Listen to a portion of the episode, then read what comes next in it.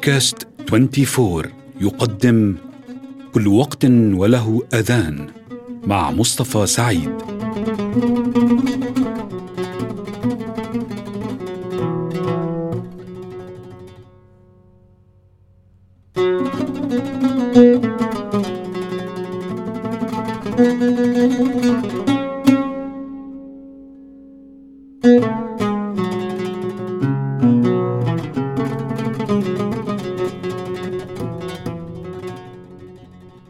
أهلا وسهلا بكم أصدقائنا المستمعين في آخر حلقات سلسلة كل وقت وله أذان. نبقى مع نغمة السجاه. لم تعد في زماننا حاجة لمعرفة الوقت بالأذان. ساعات ثم هواتف لم يعد الإنسان بحاجة لمنبه خارجي ليعرف أين هو من اليوم. وبرأيي هذا سبب من أسباب انقضاء زمن كل وقت وله أذان.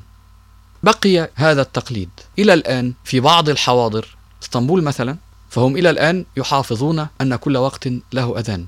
قلنا الاختلاف في النص الموسيقي لأن نص كلام الأذان واحد. لكن كان هذا عاما في سائر الأمة. فما أحلى أمة كانت تميز الأنغام وتعرف كل أذان على نغمته وتعرف الوقت من هذا الاختلاف في الأنغام.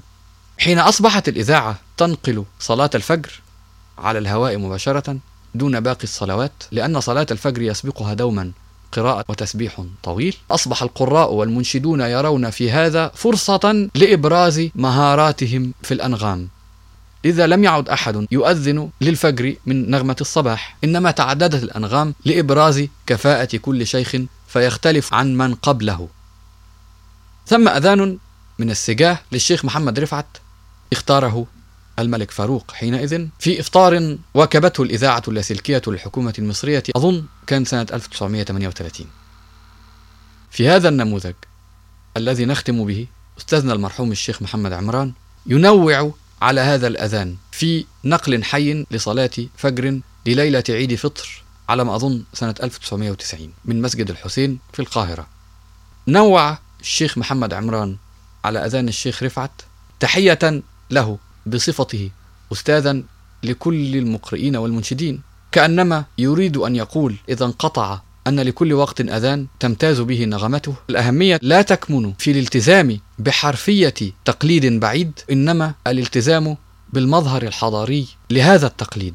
نعم كل وقت وله أذان لكن الزمن نفسه يتغير. فلنحافظ على هذا الإرث النغمي ولا نفرط فيه بدعاوى تحريم أو دعاوى أنه عفى عليه الزمن.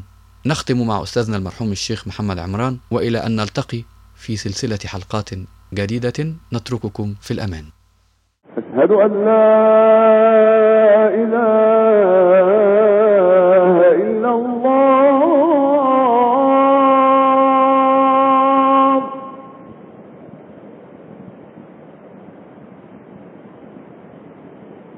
أشهد أن لا إله إلا الله. أشهد أن محمدا رسول الله.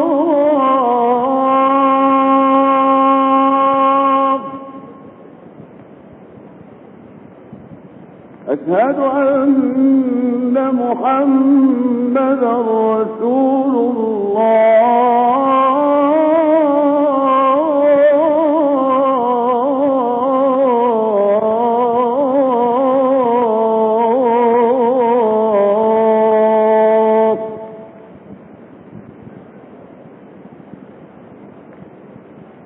حي على الصلاة.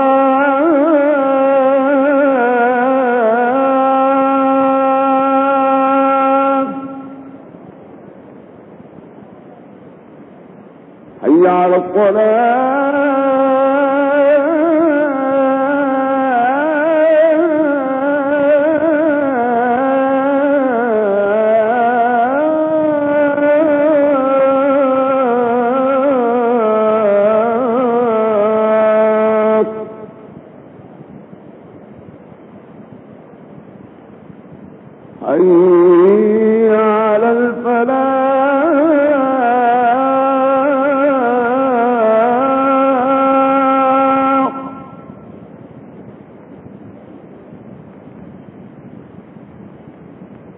الصلاة على الفلاح.